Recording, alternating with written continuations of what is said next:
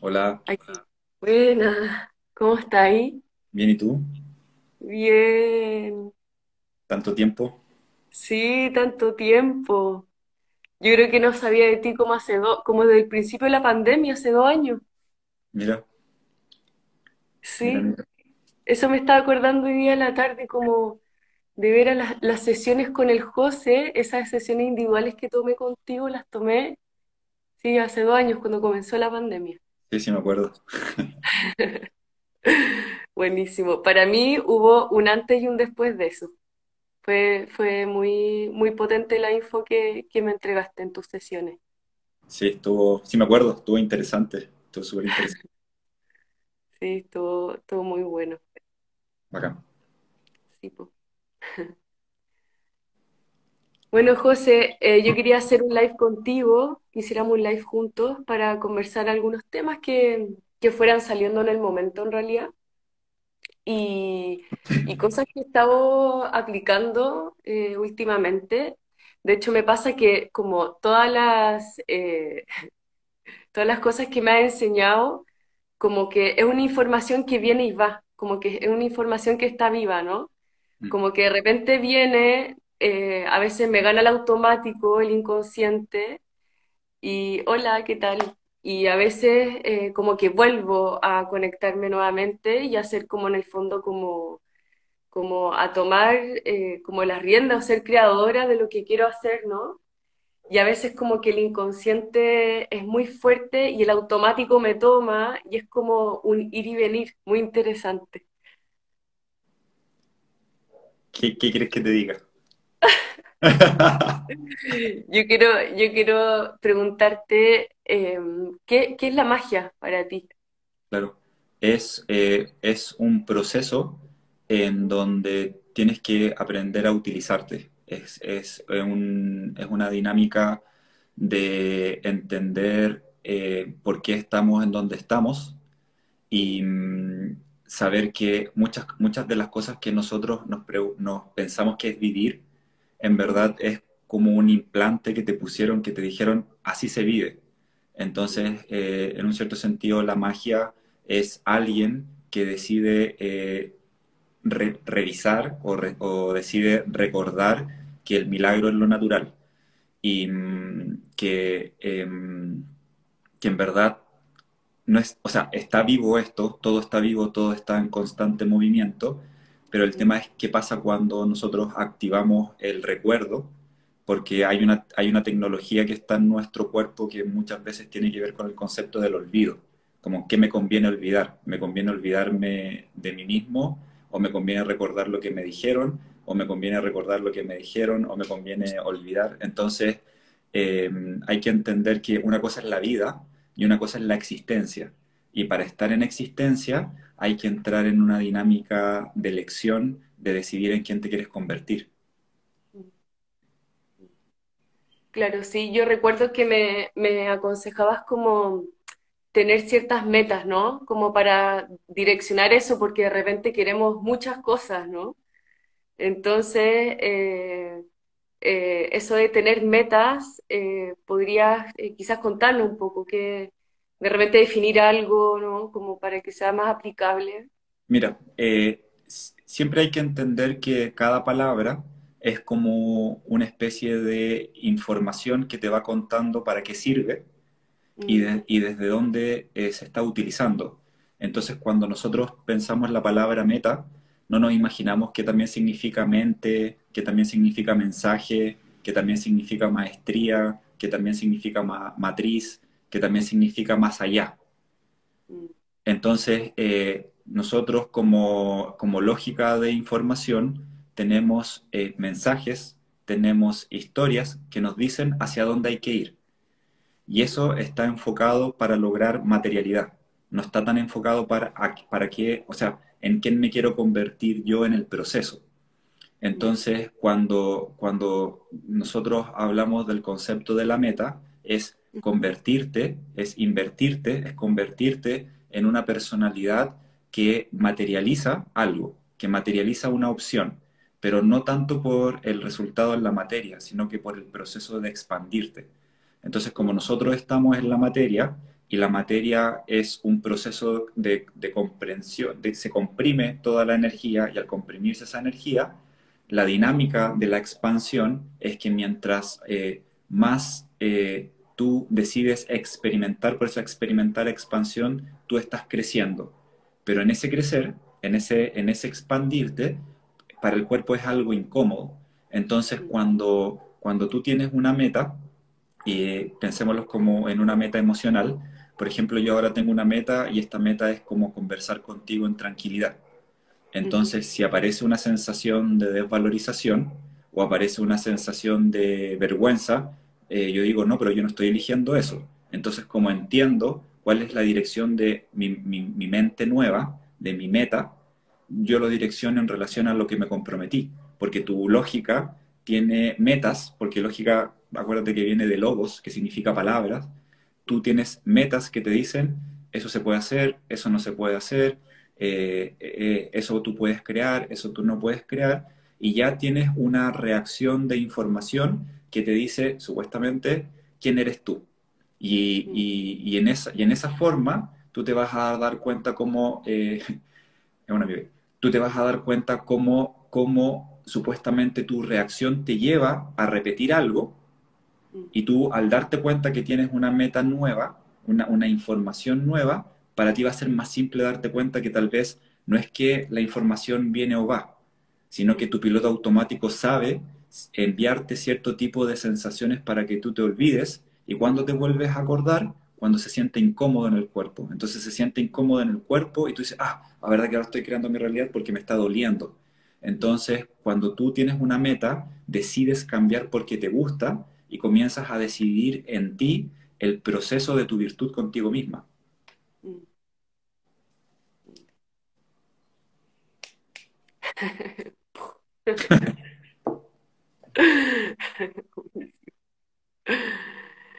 Oye, y mm, por ejemplo, si en este proceso de incomodidad, ya eh, eh, yo siento angustia, ya siento angustia o siento que es una como una sensación de contracción o, se me aprieta el, pecho, ¿qué podría hacer yo eh, con respecto a eso? Mira, es súper interesante esa pregunta porque es como que eh, nosotros tenemos que activar la virtud de investigar más culturas. ¿Dale? Porque la cultura de donde nosotros nos enseñaron la angustia nos cuenta una forma de cómo se utiliza la angustia. Por ejemplo, los incas tienen un código, los códigos andinos, y en, un código dicen, que, o sea, hay un código que se llama el código Anya. Y el código Anya es como es como una forma como de recolectar eh, sabidurías. ¿Vale?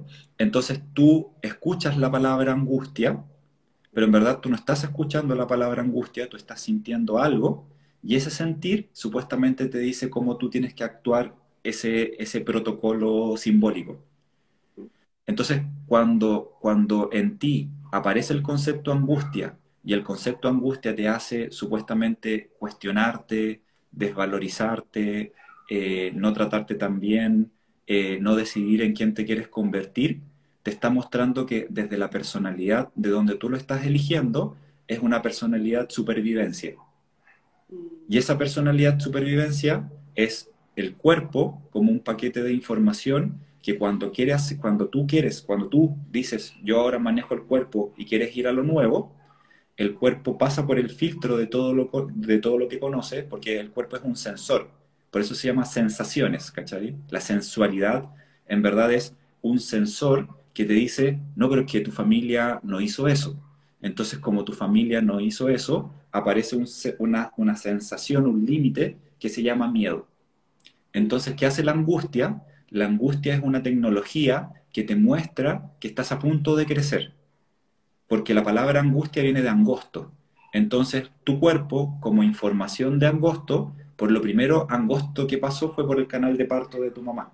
Entonces, la angustia te está avisando que estás a punto de crecer, pero ese crecer que tú vas a hacer, como tu cuerpo no lo conoce, tú tienes que decir en quién te quieres convertir en eso. Pero lo que pasa es que nuestro pensamiento lógico tiene la costumbre de preguntar qué hay que hacer. Entonces, cuando aparece la incertidumbre o aparece la duda, en verdad te o evadir, ¿no? Claro, te están evadir o, taparlo con algo. Te está preguntando, eh, lo que pasa es que evadir significa o taparlo con algo significa volver al estado anterior. Y el estado anterior es volver al útero, a estar completa, porque en, en, el útero tú estabas completa.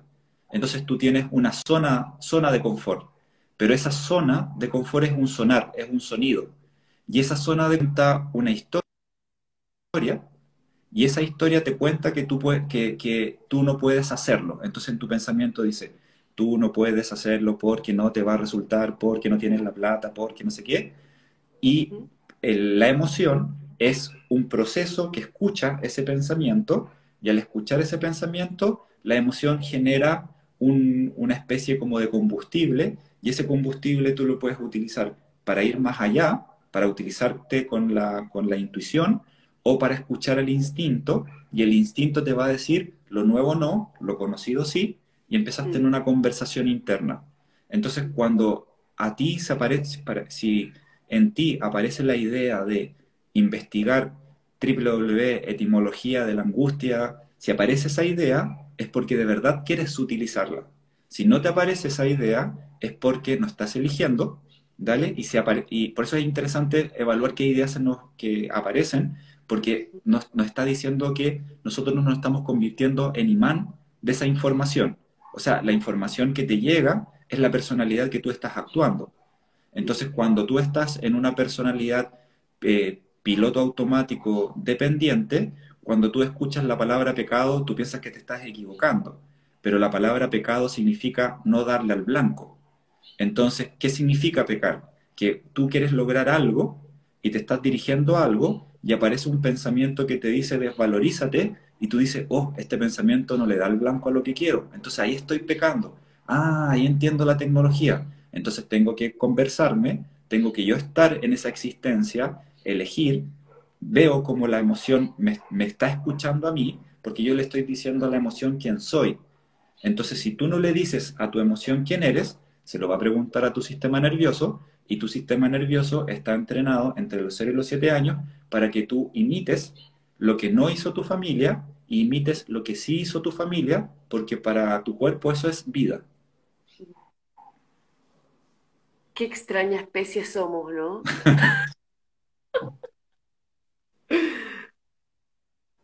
Imagínate toda la tecnología o cómo, cómo funciona todo, ¿no? Yo me acuerdo que en un momento tú estabas haciendo unos talleres de, de las, de la, de las leyes universales, ¿cierto? Sí. Sí. Y una de esas leyes, me acuerdo, era la ley de, eh, de la, del péndulo, puede ser, de la, de la polarización. Claro. ¿Nos podrías explicar? Sí. Mira, eh, por eso es importante desde donde nosotros queremos aprender algo. ¿Vale? Mm. Si alguien quiere aprender las leyes del universo por necesidad, va a entender algo. Si alguien quiere aprender las leyes del universo porque quiere crear algo y expandirse y crear una nueva virtud interna, eso es más coherente con el universo porque el universo no es moral. El universo no tiene una personalidad. Y nosotros tenemos la costumbre de pensar el, universo como pensamos nosotros. Es como pensar que espiritualidad significa ser buena persona. ¿Vale? Entonces, en esa, por ejemplo, yo antiguamente cuando escuchaba el mito de pon la otra mejilla, que, se escucha en la Biblia, yo lo pensaba desde un punto de vista y ayer alguien lo explicó y fue como, oh, interesante, nunca lo había visto de esa forma. Entonces, ¿qué era? Supuestamente yo pensaba, oye, pero si alguien te pega y tú pones una, una, una mejilla, tienes que poner la otra, pero lo que explicaba esa persona decía que tal vez desde el punto de vista de donde lo estás mirando, ahí recibes el golpe. Poner la otra mejilla significa mirar desde otra perspectiva. ¿Se entiende? Entonces, la ley de la polaridad, nosotros pensamos que positivo significa bueno y que negativo significa malo, según sensaciones del cuerpo. Nosotros creemos que muchas cosas positivas que se sienten muy cómodas, pensamos que no está funcionando. ¿Por qué? Porque miramos la materia pasa por el filtro de nuestro ego y nuestro ego nos dice si te está funcionando porque a ti te dijeron que para sentirte bien alguien te tiene que querer o, alguien, o te tiene que resultar una cantidad de dinero, pero si tú miras la materia y no está ocurriendo lo que tu pensamiento racional cree que es éxito, tú piensas que estás fracasando. Y esa evaluación de, esa ley de la polaridad, te, en un cierto sentido, es compararte, eh, evaluarte desde la comparación y no te permite entender la espiritualidad porque la espiritualidad tiene que ver con cuánto tú manejas tu espíritu y cuánto tú entiendes la unión del todo. Cuando tú estás dualizando, que positivo significa bueno y que negativo significa malo, te estás dividiendo de la divinidad que es la energía, estás evaluando desde la materia y desde un código de información de cómo cierto tipo de personas te contaron que era la vida, y nosotros pensamos que mientras más personas piensan lo mismo, es más verdad. O pensamos que como nos contaron algo ya ha durado 300 años, pensamos que también es verdad. ¿Vale? Entonces no cuestionamos los por qué es así. Entonces la ley de la polaridad te cuenta que existe un positivo y existe un negativo. Y tal vez positivo significa nuevo y negativo significa antiguo. Entonces, cada vez que tú vas a hacer algo nuevo, va a aparecer lo antiguo. ¿Y qué significa lo antiguo? La materia es el resultado del pasado. Pero nosotros queremos cambiar la materia desde la materia. Pero la materia es una idea.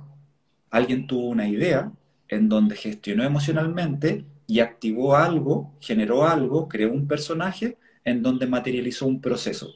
Pero la materia es la metáfora lo que le interesa al universo es la persona que pensó más allá, que hizo más allá y que creó algo. Entonces, cuando tú dices, por ejemplo, que te quieres comprar algo que te gusta mucho y pasa por el, por el filtro, el número pasa por el filtro de lo que tú crees que, es, tú observas el número, pasa por tu ego, por, la, por el ego, pensémoslo con lo que te enseñaron, y tú sientes una incomodidad. ¡Pum! Y esa incomodidad para ti significa, no lo voy a hacer porque esa incomodidad tiene un argumento en donde te enseñaron cuando niña, el dinero cuesta generarlo, eh, no, no en no sé qué, no querés en no sé cuánto, pero ese argumento te va a decir, mejor guarda ese dinero porque imagínate, no te, pasa algo y tal vez te puede ocurrir que, da, ya, eso es lo antiguo. Y yo en eso antiguo tengo que dar una respuesta nueva. Y lo más probable que esa respuesta nueva signifique comprar eso, pero no comprar por comprar, sino que comprar para encender espíritu y para enseñarle yo a mi pasado lo que estoy aprendiendo y como la palabra destino significa los pasos dados, lo que va a pasar para mañana es lo que yo aprendí, no lo que mi cuerpo me está contando que soy. Porque cada vez que le hago caso a la información de mi cuerpo, en el sentido de quiero hacer algo, dale, pero hay algo en mi cuerpo que me dice que no, porque si vas caminando y aparece un perro y tú y que te quiere morder y el perro te dice aprieta, lo más probable es que hay que correr, ¿cachai? Pero es es, ya, si yo quiero algo, ¿por qué en mi interioridad hay algo que me dice que no? Entonces, por ejemplo, ahí dice Inmaculada Concepción. Es tú inmacularte. La concepción es como lo que tú concibes en ti, lo que tú estás sembrando en tu interior. Eso es inmacularse. ¿Se entiende? Entonces, cuando, cuando tú entiendes la dinámica de la, de la polaridad, ya entiendes que vas a hacer algo nuevo, se va a sentir incómodo, y al sentir incómodo tú tienes que dar una respuesta nueva porque estás entrando a una nueva ley de gravedad, porque tu cuerpo tiene una grabación que te dice se llega hasta ahí. Entonces crecer es incómodo porque estás pasando por la, por la angustia, por lo angosto, y tú dices, oh, es que me estoy expandiendo.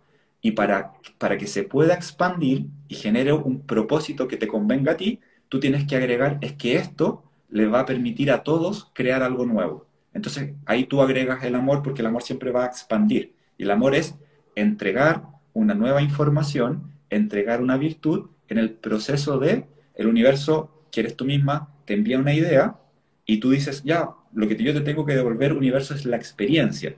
Entonces, cuando tú no tienes ideas o tú no puedes supuestamente creer en ti, es porque le enseñaste a la información que tú no cumples tu palabra. Entonces, como no cumples tu palabra en juntarte con alguien y llegas atrasada o, no, o te dices que vas a lavar la losa y no la lavas, todo eso no cumplido le avisa al paquete de información para que va a tener ideas supuestamente nuevas, si va a aparecer lo que conoce, lo que conoce dice que no lo puede hacer, entonces no lo puede hacer, entonces te van a llegar ideas que eh, te están mostrando desde qué percepción tú te estás eh, nombrando, decidiendo, eligiendo, que te, va a decir si lo estás evaluando desde la supervivencia o lo estás evaluando desde la creación de la realidad.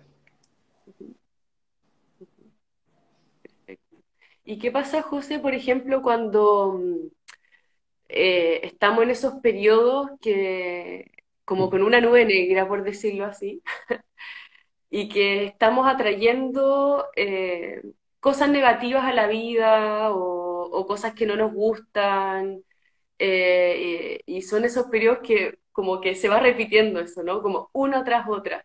en el fondo eso lo genera uno. O... o sea, lo que pasa es que también tienes que entender que lo bacán de la nube negra es que tiene agua. Y a veces la nube blanca no tiene el agua. Y el agua es un paquete, es una información. Entonces, eh, esa nube negra te está mostrando que tú tienes que aprender a utilizarte en ese momento. Porque una sensación te dice que supuestamente no te está funcionando algo. Entonces tú tienes que decidir esa metáfora, meta, esa metáfora, esa esfera metafórica, cómo tú quieres actuarla. Aunque tu cuerpo te diga que no te esté funcionando, aunque la materialidad te diga que no te esté funcionando, es como tú te inmaculas, te concibes en, en, lo que tú quieres lograr. Porque lo que tienes que entender que lo que te está ocurriendo en esa información es el resultado de algo. Mm. Entonces no es que en la materia ocurre algo porque sí. Por eso es importante entender que holograma, nosotros estamos viendo la materia desde nuestro cerebro. Entonces nosotros estamos viendo adentro de nuestro cerebro, es un holograma. Y la palabra holo viene del concepto todo. Y grama viene de gramo, que es la materia. Entonces nosotros tenemos un programa, tenemos un diagrama, tenemos una gramática que materializa esa, esa información holográfica.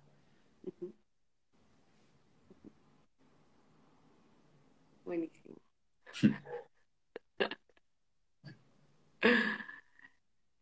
Oye, José, ¿y, las enfermedades?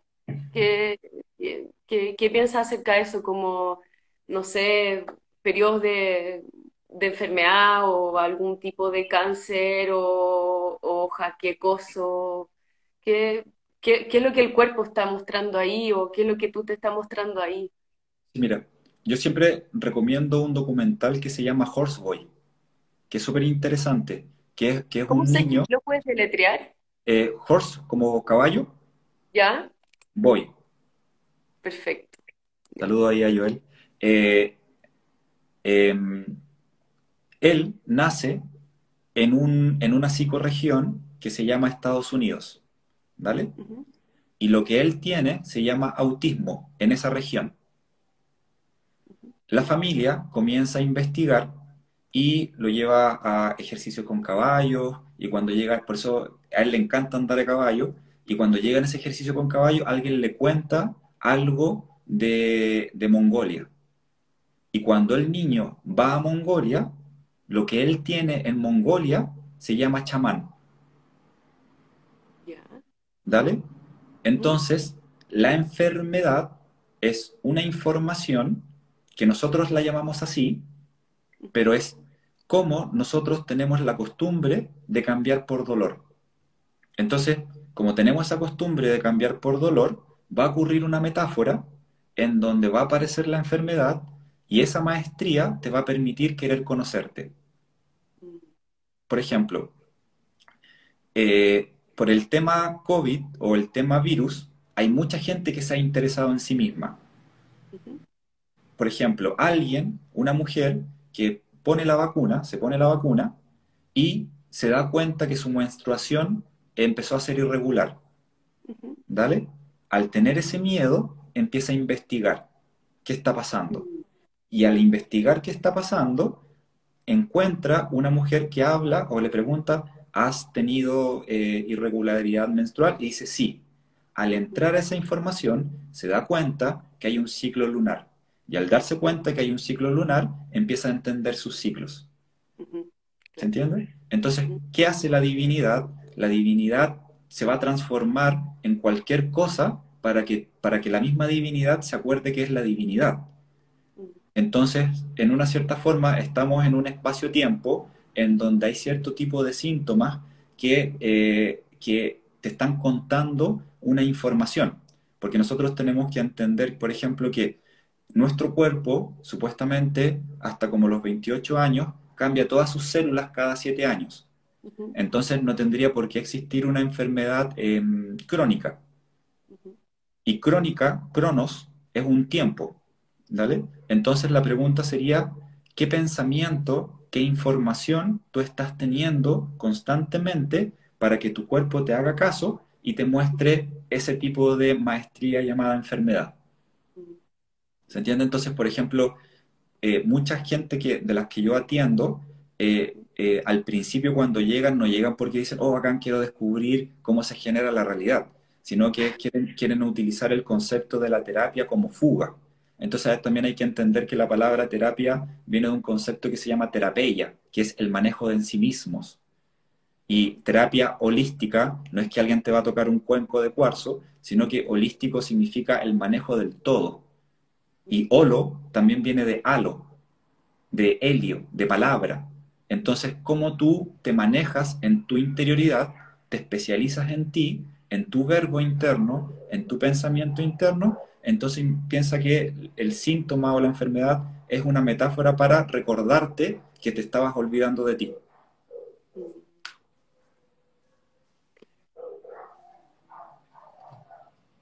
Me ha pasado. Mucho. Voy y vuelvo. Oye, José, por ejemplo, me voy un extremo, no sé, las personas que que están en esta angustia constante y deciden quizás quitarse la vida o dejar de existir, como en el fondo no están tomando esta información y ¿cómo, lo ves tú? O sea, hay, hay ciertos como tipos de temas que, que, es como pensarlo, pensarlo de una forma, ¿vale? Pero piénsalo, es como, es como que alguien ya no aguanta un trabajo. ¿Dale? y quiere cambiarse a otro lugar. Entonces lo que habría que revisar es por qué eh, su piloto automático eh, lo lleva a ese tipo de información. Mm. ¿Dale? Por ejemplo, yo he atendido gente que em, su mamá en un cierto sentido no los quería tener, porque era eh, de una cierta forma que la mamá dejara de hacer lo que quería hacer. Entonces en su biología no se sienten aceptados. ¿Entiendes? Pero lo que pasa es que ahí hay que revisarlo porque cada situación es, es todo un tema en eso. Pero, pero desde, por ejemplo, mi punto de vista, en verdad yo, ahora muy concretamente, ahora lo sé, lo siento, desde mi experiencia, que la muerte en verdad no existe. Pero ya sí, muy concretamente, entonces es como lo más probable que si ocurre, le ocurre a alguien es intenso en el cuerpo por el recuerdo de, la información, pero también hay que entender que tenemos que generar nuevos mitos de algo, porque hay ciertas cosas que se, se, escuchan más intensas y hay ciertas cosas que no se escuchan tan intensas, pero es por cómo nos enseñaron a observar a alguien. Entonces, por ejemplo, mucha gente se presenta con un síntoma porque le da, le da una opción para, para mirarse por ejemplo, hay gente que se presenta con, hola soy y tengo, hola soy y, soy esto. Entonces, es como cuando alguien se presenta, hola soy y trabajo en esto, hola soy y hago esto. Entonces, hay que revisar qué pasa con esa autoestima y qué pasa con esa información interna que el resultado o la idea significa eh, cambiar o transformarse eh, o decidir solucionar de esa cierta forma.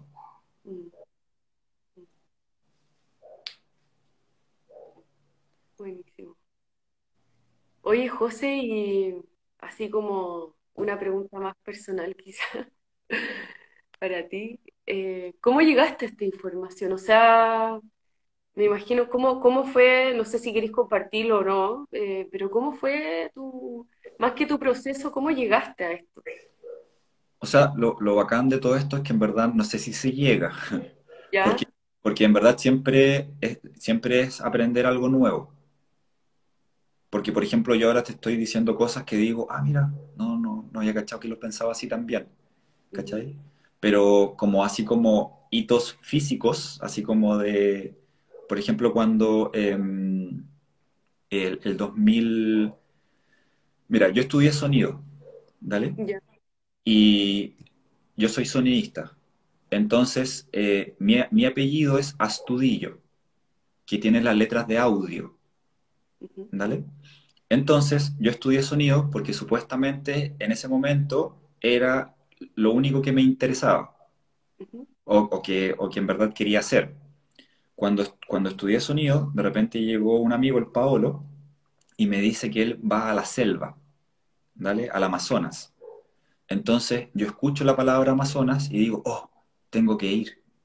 Pero, no, pero yo recién había terminado, creo que, o sea, trabajé en un, en un documental y.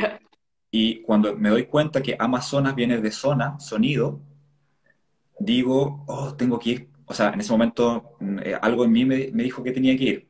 Llego a ese lugar, a Iquitos, por todo un proceso de ir en bus hasta, hasta Iquique. Después de Iquique nos, nos encontramos con el Paolo y fuimos a Bolivia. En Bolivia estuvimos en un circo y el Paolo tiene apellido Corsi, circo, ¿cachai? Le gusta el circo y de repente viajamos, Perú, pasaron cosas intensas, nos reímos mucho, llegamos a la selva y cuando llegamos a la selva, eh, yo no sabía lo que era la selva y no conocía lo que era la ayahuasca, no tenía idea ni lo que era ayahuasca. Y llegamos a un lugar que era un centro ayahuasquero, donde habían lianas de ayahuasca gigantes. Y eh, había todo un proceso en donde tú para tomar eso tenías que generar un protocolo en donde no tenías que comer sal, no tenías que eh, eh, comer dulce, dejar de hacer cierto tipo de cosas. Y cuando llegué a ese lugar, es- era como primera vez que me sentía que había tenido un déjà vu. Como que, o sea, algo como, como decía, oh, tenía que, tenía que estar acá. Y eh, cuando la primera vez que yo tomé la, que tomé la medicina, la planta, eh, yo primera vez que estoy en un lugar en donde no sé la fecha. ¿dale? O sea, ya estaba tanto tiempo en el lugar que no, no había, nadie te preguntaba qué hora era, sino aparecía el sol, te levantaba y hacía cosas.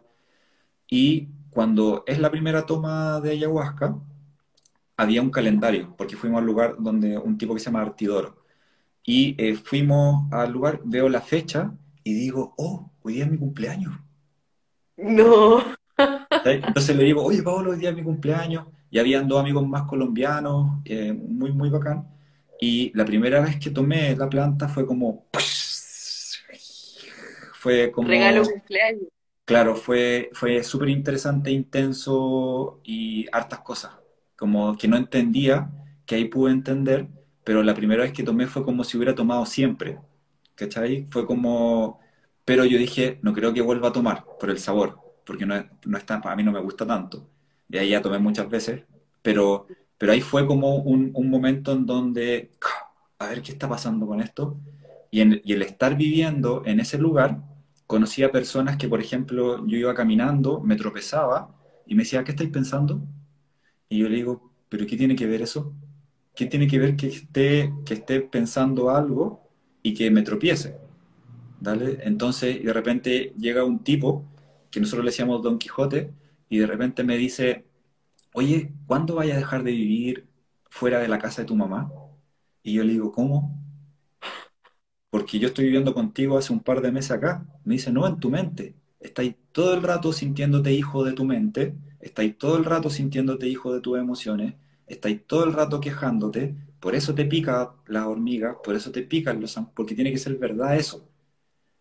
Y yo ahí de repente digo, ah, la palabra, y ahí comienzo a darme cuenta de cosas, ¿vale? Entonces, ahí eh, tomé planta y tuve una visión en donde tenía que vol- volver a Chile y porque había un encuentro que se llamaba Raíces de la Tierra y eh, llegué al, al encuentro del 2009 y comencé a participar en, en la organización, como ocho o nueve años. Y en ese proceso también conocí muchas cosas, también tomé otro tipo de plantas, pero una de las cosas interesantes que cuando también me di cuenta fue que el 21 de diciembre del 2012 me volqué en auto, ¿cachai? Y ahí, en ese proceso de volcar, pensé que me iba a morir, pasaron muchas cuestiones en mi cabeza, como que se ralentizó el tiempo y no sé qué, y, no- Entonces, yo pensaba en ese momento que yo era espiritual, ¿vale? Entonces, eh, el 2013, eh, yo estaba en una especie así como de depresión y eh, alguien me da el contacto de, de la Katy, que es la directora del Centro Completitud, donde trabajo yo ahora, que en verdad ahora ya somos familia. Y, y cuando conocí a la Katy, fue como un darme cuenta que la espiritualidad de verdad es muy cotidiana. Pero empezó, empezó el cuestionarme. Me dice, oye, pero ¿de qué te sirve haber tomado planta o nombrar eso si todavía no podéis generar lo que querís? Y era como, ¿cachai? O sea, ¿pero ¿de qué te sirve tener ese moral o decir que hiciste no sé qué si todavía estáis culpando a tu mamá? ¡Pah! Y era como... Entonces tomé dos sesiones con ella y, y- y en verdad el Centro Completitud es una plataforma de conciencia, ¿cachai? Más que como un centro terapéutico. Entonces eh, ella me dice, oye, ¿sabéis qué? Eh, lo más probable es que vamos a tener que vivir juntos y tenemos que crear esto. Y cuando me empezó a decir esto, dije, sí, obvio, hay que hacerlo. Entonces ahí entré en un perfeccionamiento, si se puede decir, como de mí mismo, porque eh, ya no se podía mentir, ya no te podías justificar, ya no podías culpar, porque ya todo se muestra. ¿Se Claro. entiende? Como que en en verdad no existe la mentira. Eh, Todo se está mostrando constantemente. Entonces, había cierto tipo como de habilidades que yo tenía de observar a la gente, pero la utilizaba para ver si eh, me atacaban. Si me atacaban, yo las utilizaba para defenderme. Entonces, limpié la rabia, o sea, saqué la rabia en verdad. Eh, eh, y la Katy me, me enseñó que eso tal vez era una virtud para eh, la escucha. Entonces, ahí empecé a entender el tema de por qué estudié sonido, porque ahí mi pensamiento lógico pudo entender concretamente cómo funciona el tema del sonido. Cuando tomaba ayahuasca, veía cómo alguien nombraba algo y se formaba en su pensamiento, cómo la gente vibraba y se generaba en el cuerpo. Entonces decidí eh, trabajar y ver a las personas como mesas de sonido en ese momento, ¿cachai? Como eh, tienen, tienen ellos supuestamente dicen algo y tienen una distorsión, algo que no es acorde, de cuerda, de palabra. Entonces, de repente tú estás nombrando algo, pero en esa palabra de lo que tú estás nombrando hay una conciencia de información que se llama cultura familiar. Por ejemplo, hace un tiempo atendí a una mujer que eh, quiere comprarse un terreno en el campo y cada vez que, quiere, que, que, que quería comprarse el terreno en el campo, algo le ocurría con el dinero. ¿Vale? Entonces eh, yo le pregunto, oye, ¿tu familia de dónde es? Y ella me dice, de campo. Y yo le pregunto, ¿pero qué significa que sea de campo? Y me dice, de campo. ¿Pero qué significa? Y me dice, pobre. Ella dice pobre. Entonces su asociación, como quiere comprar un terreno en el campo, se tiene que activar esa información, se da cuenta de esa información y compra el terreno en el campo, porque era revisar qué estaba ocurriendo, porque la palabra es una vasija que tiene información. Por eso hay gente que dice prosperidad y se genera algo, y hay gente que, que dice prosperidad y se genera otra cosa. Entonces lo que hay que entender es las asociaciones que nosotros tenemos, porque por ejemplo, si tú escuchas la palabra humildad, ya inmediatamente se genera un personaje. Entonces tú no estás decidiendo que eso signifique de esa forma. Entonces ya hay algo que te está diciendo cómo supuestamente tú tienes que actuar, cómo supuestamente tú tienes que, que- ser. Entonces la primera política es darte cuenta si tú eres político en ti, si tú estás cumpliendo tu palabra contigo misma, eres, si tú eres tu gobierno, si tú eres tu administración de emocional, si tú eres el que está dictando ese pensamiento para que tú puedas utilizarte y darte cuenta qué ocurre en relación a en quién te quieres convertir, entonces tú tienes una idea. Alguien dice, el, el típico ejemplo, quiere, que quiere que le salga un trabajo, pero está pensando que está diciendo obtener, y la palabra salir significa que salga. Pero no es que diga la palabra y, se, y que se equivocó, ¿se entiende? Sino que lo más probable que en su infancia la familia iba a encontrar trabajo y cuando no encontraba trabajo, volvía la mamá y el papá a la casa y se sentía visto. Cuando no, ¿se entiende? Entonces, cuando alguien dice una palabra, no es que dice una palabra porque sí, porque una de las cosas interesantes para descubrir el inconsciente es a través de la palabra. Ahí se filtra.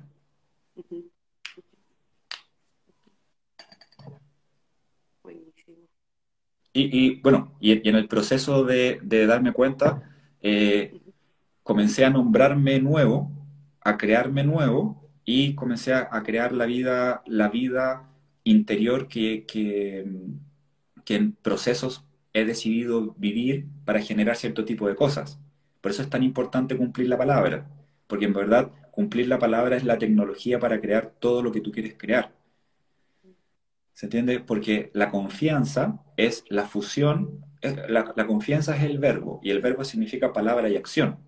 Entonces, generar metas nuevas te va a permitir generar mensajes nuevos, convertirte en alguien nuevo y va a aparecer lo antiguo en ti. Y lo antiguo en ti son esas reacciones que te dicen, no se puede, si se puede, no sé qué, no sé cuánto. Entonces, muchas veces eh, nosotros cuando queremos descubrir algo, queremos descubrir siendo los mismos pero tendríamos que descubrir siendo nuevos.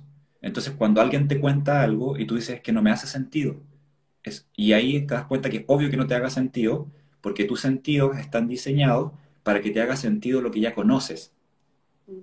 O cuando algo tú dices, no es que no es lógico, y lógico viene de palabra, logos. Entonces, obvio que no va a ser lógico porque son palabras nuevas. Entonces tú ahí estás evaluando desde la personalidad, y la personalidad ya es lo antiguo. Nosotros somos el resultado.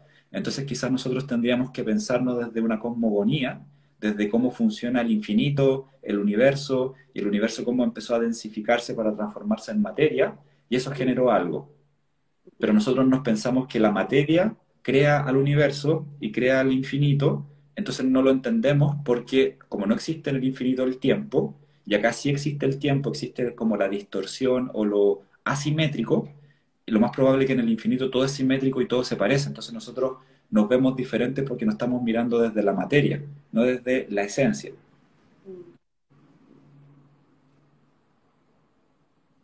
Uf, cuánta info, José. Sí.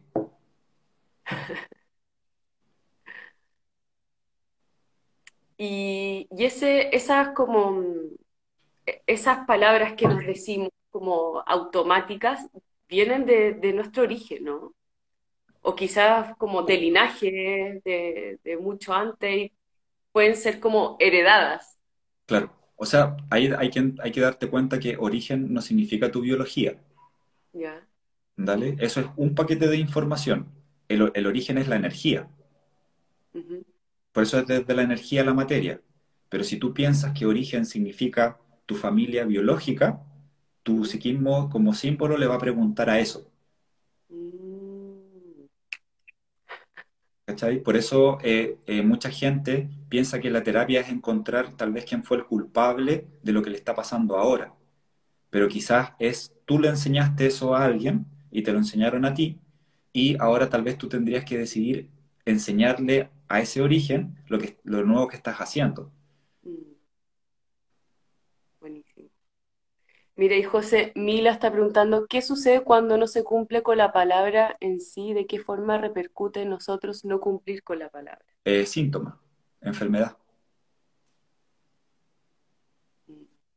Porque tú tienes una idea y todo tu cuerpo, toda tu realidad ya está generando toda la energía para que se cumpla. Mm. ¿Se entiende? Entonces hay muchos síntomas eh, que son por no cumplir líneas de tiempo, pero también otra rama te cuenta que un síntoma es porque tú tienes ganas de hacer algo y no lo haces. Mm. Es como un deseo reprimido, eh, alegarle a alguien, criticar a tu mamá, criticar a tu papá, porque no se convirtieron no sé qué, eh, alguien lo abusaron y, y, le da miedo contarlo porque la cultura familiar le dice que no, y eso genera una línea de tiempo en donde cuando tú te comprometes con alguien, en verdad, más que comprometerte con alguien, tú estás eh, generando un espacio-tiempo que necesita ser experimentado. Y de alguna forma se tiene que experimentar. Entonces, por ahora, en la metáfora, o sea, que no, es que no, es que ocurra así, pero tal vez ahora te va a interesar mucho cumplir tu palabra, porque cumplir tu palabra significa generar la realidad que a ti te gusta.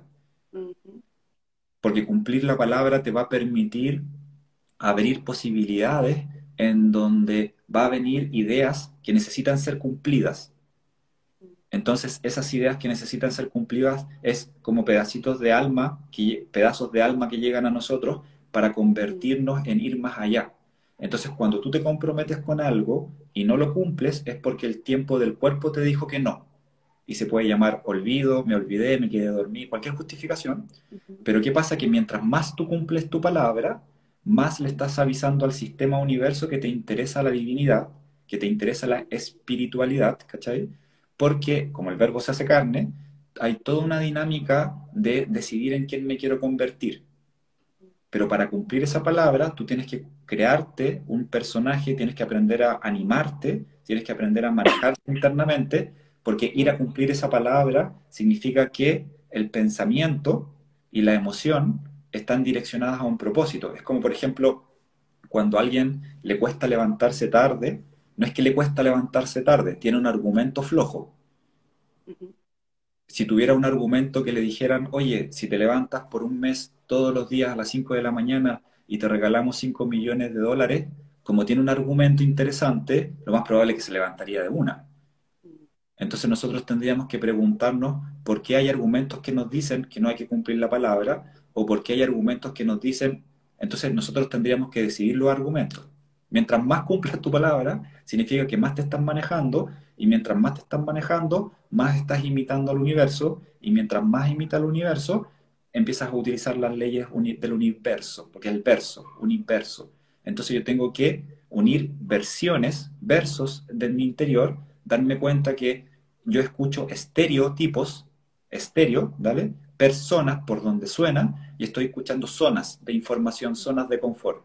Entonces yo tengo que decir, agrego una nueva información al espacio-tiempo o supuestamente sigo escuchando y dando las mismas respuestas siempre respuesta nueva, como dicen por ahí, vida nueva. Entonces la pregunta es si estoy dando respuestas nuevas.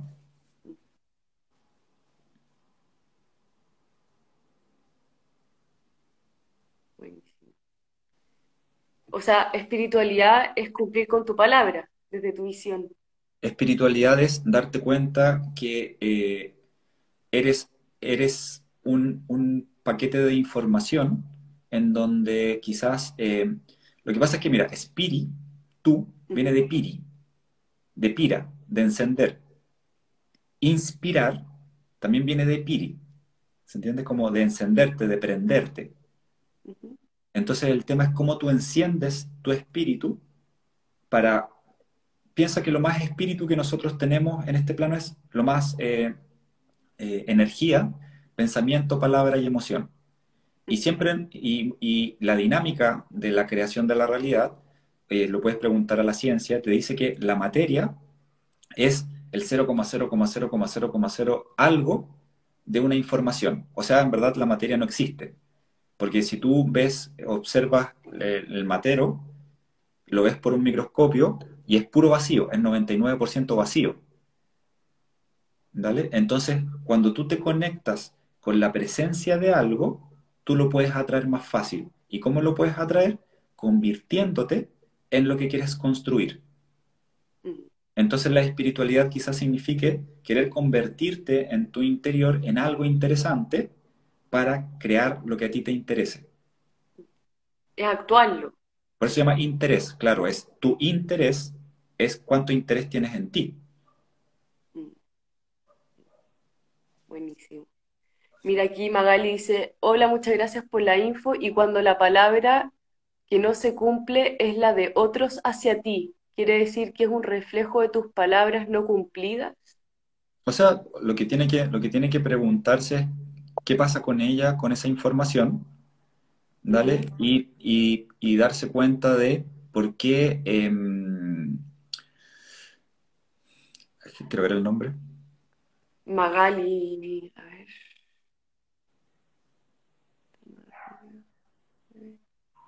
acá, magali.pestana.c. Claro, puede, puede, pues eso ocurrirle que tal vez, por ejemplo, pueden haber historias en donde mamá o papá se comprometieron con cosas y después le dijeron que no porque apareció un justificativo. Entonces lo tiene que revisar de esa forma.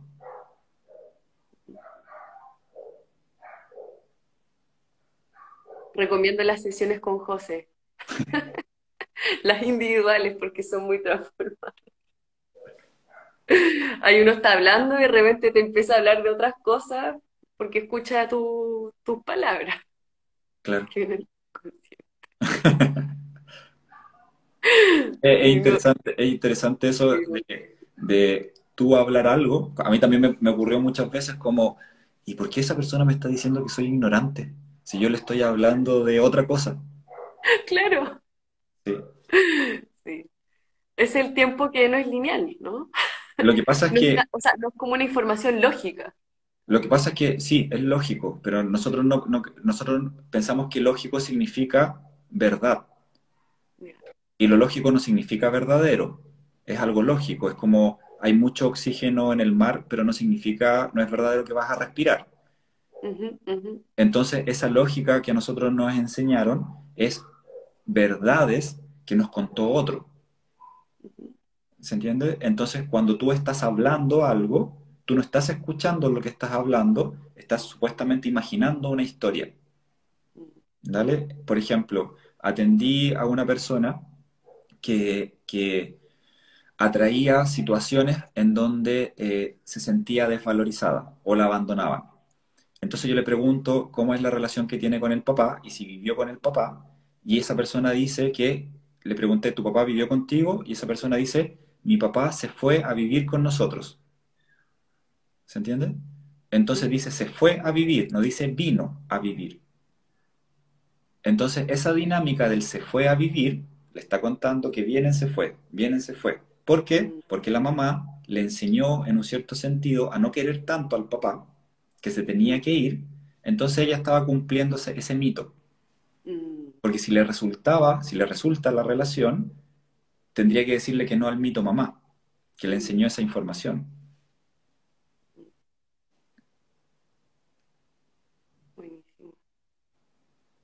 Por eso, cuando, cuando no hay dicha en tu vida, revisa los dichos. Los dichos te van a contar, porque imagínate que tú observas el típico, la típica historia de llegan los españoles, llegaron los españoles a América y supuestamente los indígenas o las personas que vivían ahí no, no vieron los barcos. ¿Y por qué no vieron los barcos? Porque no estaba en su cultura. Mm, ¿Dale? Y entonces tú observas, en verdad nosotros no observamos, nosotros escuchamos. Por eso el ojo de Horus, que es ese ojo egipcio, Horus viene de oro, y la química del oro es AU, que es aurícula. Entonces te cuentan que tú observas a través de lo que escuchas. Entonces cuando tú escuchas la palabra crisis, aparece toda una sensación que para tú estás escuchando te va a quedar la cagá. Pero si tú investigas, crisis significa crecer. O sea, cuando escuchas la palabra crisis, todo lo que haga en ese momento va a crecer. Entonces decido. Tú estás escuchando a historia mamá, historia papá, historia sociedad, historia gobierno, a cómo tú tienes que mirar todo. Entonces, tú, Constantemente. Esto es todo el tiempo, ¿no? o sea, lo que pasa es que si no estás, sí, tienes que estar. Claro, claro, Por eso se llama estados. Entonces, como eh, es, eh, hoy escuché una palabra súper interesante, pero es, eh, es tú auditivamente, o sea, en verdad, los pensamientos son historias. La imagen que tú tienes, por eso dicen una imagen vale más que mil palabras, lo que tú imaginas son palabras de información. Entonces todos nos dicen que abrahdabar, que significa abracadabra, palabra, dale, el verbo se hace carne, en la, en la piedra azteca está alguien mostrando la lengua, en el zodíaco de Dendera de Egipto hay un hipopótamo mostrando la lengua, Einstein te dice que el tiempo y el espacio es relativo, y relativo viene de relato, por eso tiene también una foto mostrando la lengua. Entonces tu relato interno te va a contar cierto tipo de espacio-tiempo de lo que tú estás observando. Entonces, agréguense palabras que quieran crear, pero ahí va a aparecer toda una dinámica que te dice, la realidad significa eso, la realidad no significa eso, el mundo imaginario no, no es lo verdadero, tienes que poner los pies en la tierra, tienes que poner no sé qué.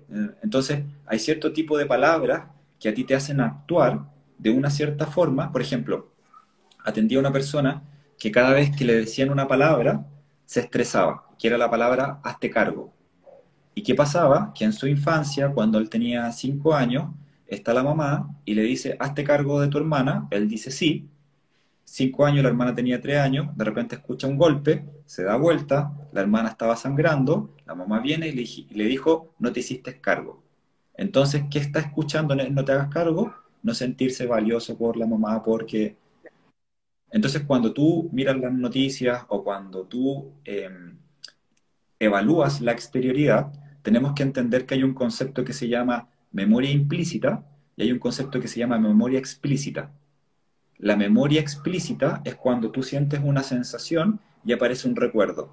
Tal vez la primera vez que te pidieron pololeo o la primera vez que te dieron un beso, pero la, la memoria implícita es cuando ocurre una sensación, pero no aparece una imagen. Entonces, cuando tú estás viendo la noticia y aparece un personaje que se llama presidente y que te hace vibrar algo, tú piensas que esa persona te está haciendo sentir eso.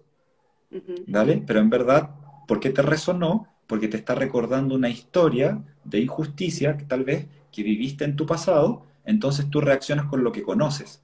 Y si mm. conoces esa información es porque te está recordando tu mamá y tu papá te prometieron ir a un lugar y de repente miraron las noticias, entonces como miraron las noticias hubo un presidente que le, te dijeron no se puede hacer. Entonces tu mamá tu papá te dijeron, mira, cuando tú miras las noticias y ves a alguien vestido de blanco que dice Harvard, te dice que es una verdad absoluta y tienes que hacerle caso a todo lo que él dice y te tiene que molestar. Y entonces nosotros estamos em, decidiendo encontrar lo que, lo que conocemos. Por eso mucha gente se, se, puede quedar pegada en la injusticia, en el dolor, porque es lo que conoce vibracionalmente por información del cuerpo.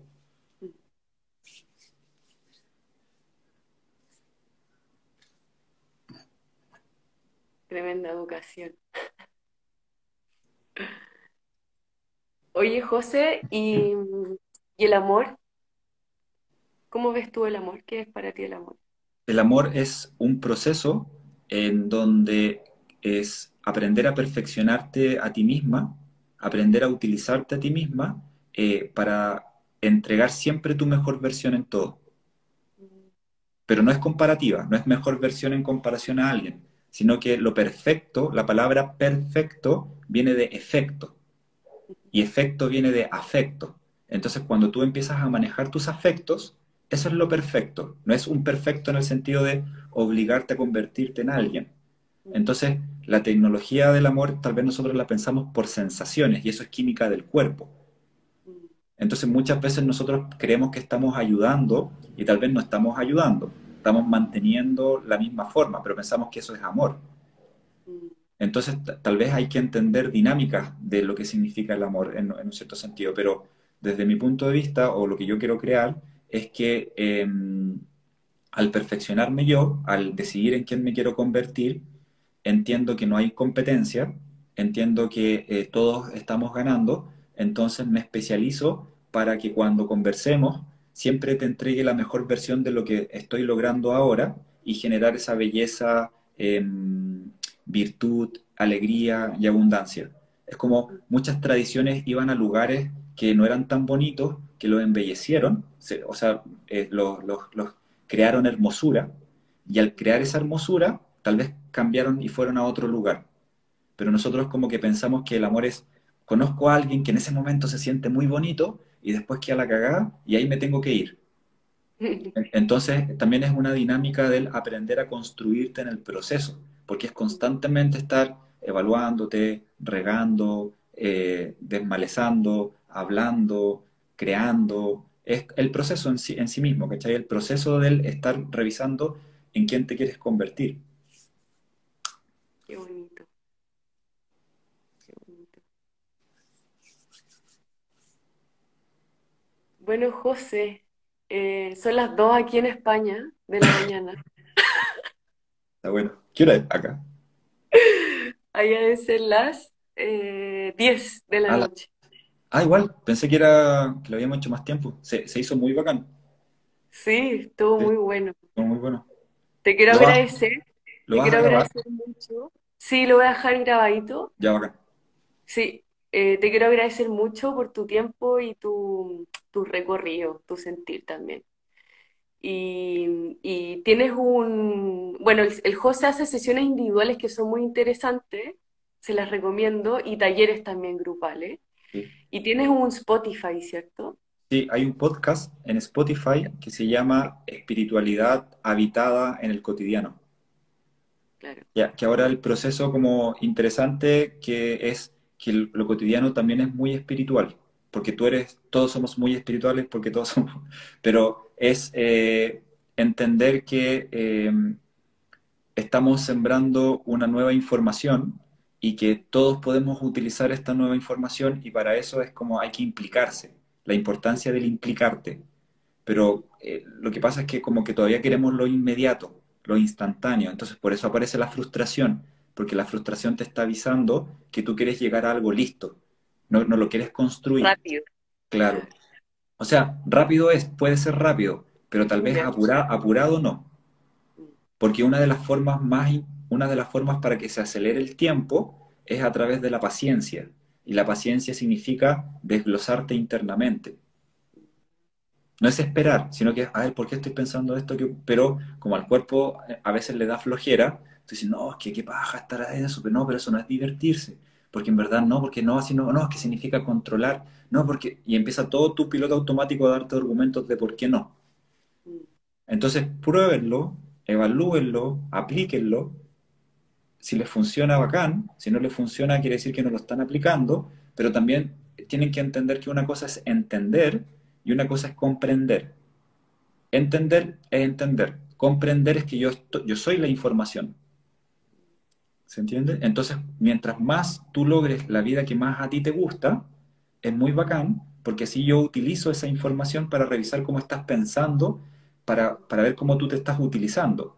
Pero si constantemente estamos criticando a la gente porque logró la vida que quiere, porque supuestamente eso significa que fue injusto, tú en verdad te estás enseñando la dinámica que todo lo que tú piensas del otro, tu psiquismo no piensa que estás pensando en el otro. Tu psiquismo dice, si está pensando eso, si está hablando eso, si está sintiendo eso, eso es lo que tiene que observar, eso es lo que tiene que crear.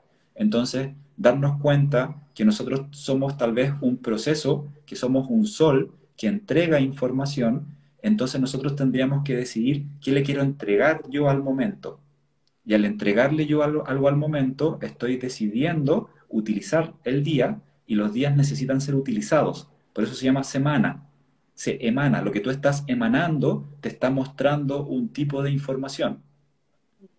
Pero si sigues pensando desde la misma forma, no significa que sea ni bueno ni malo, pero tal vez hay un concepto importante en dinámicas de leyes que para conocerlas te tienes que conocer a ti y conocer a ti no significa esperarte a ver qué ocurre, sino que es decidir conocerte en lo nuevo, atreverte a ir a lo nuevo. Metanoia. Buenísimo. Oye, José, aquí están preguntando, ¿podés decir brevemente qué significaba conflicto? Mira, nosotros cuando escuchamos la palabra conflicto pensamos que significa algo no tan interesante. Pero si nosotros escuchamos la palabra flectar, que viene de reflejo, el conflicto te está mostrando un con, un reflejo que tú estás eh, exteriorizando. Pero no lo que piénsalo en lo que te hace sentir.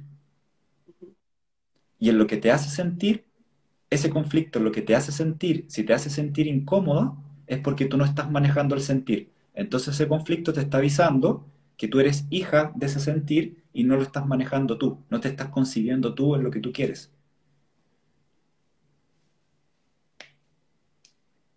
Por eso este, este mes eh, viene un taller que se llama eh, desequilibrio armónico. Entender que el desequilibrio es parte del proceso. Vas a hacer algo nuevo, te vas a desequilibrar porque tu cuerpo no conoce esa información. Por eso hay culturas andinas que lo hablan como la puna. Estás entrando a una nueva, subiste, eh, tu cerebro está respirando nueva info, ah, saliste de la zona de confort, pero no significa que te estás equivocando, sino que estás saliendo de un proceso que te dijeron es hasta ahí. Entonces haces algo nuevo, se siente ese movimiento porque tienes que aprender a habitarte en lo nuevo. Por eso es importante entender dinámicas. Y ahí sale las, cuando hacemos algo nuevo, salen las esfinges. O sea, ahí, ahí, eso, eso es lo antiguo. Cuando aparece un límite, no te está diciendo que no lo puedes hacer, sino que te está mostrando que hay una respuesta o sea, hay una pregunta en donde no has dado una respuesta nueva. Entonces, cuando aparece un, una, un, piloto automático o una esfinge que te dice no se puede hacer, no te lo está diciendo a ti, sino que te lo está diciendo la personalidad de donde tú lo estás mirando. ¿Se entiende? Por ejemplo, yo ahora estoy viviendo en un hogar nuevo y eh, em, yo tenía, o sea, tengo una costumbre de cuánta gente atiendo, supuestamente, ¿vale? Y cuando decidí vivir a este lugar nuevo, que era hacer un más allá, las dos semanas antes de vivir a este lugar nuevo, yo atendía a una cantidad de personas y de repente apareció, se bajó esa cantidad, supuestamente. Disminuyó, claro. Entonces yo dije, oh, ya pues la finge, tengo que continuar haciéndolo, tengo que continuar confiando, porque en verdad entiendo que tal vez la economía no tiene que ver con cuánto trabajo, sino que es con cuánto me transformo en mí mismo y eso le agrego virtud al cotidiano. Entonces, ¿qué hice? Decidí hacer más videos en vivo, decidí subir más posts, decidí crear un taller para, para avisarle a esa sensación que ya lo aprendí, ya aprendí a encenderme a crear eso nuevo.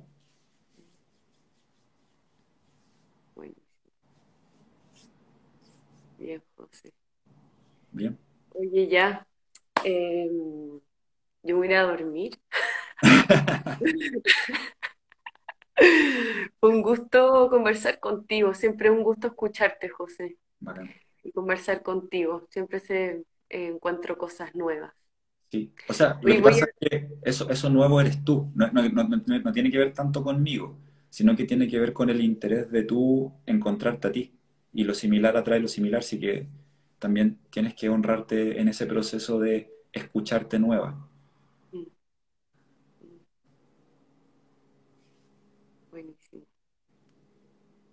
Ya, querido. Dale, ahora sí. Muy bien. Dale, nos vemos. Disfruta. Voy a dejar esto grabado ya. Ya, bacán. Ya, buenísimo. Nos vemos. Chao. Chao. Nos vemos. A ver, ¿cómo saco? Chao, gracias a todos por participar. Estoy viendo cómo termino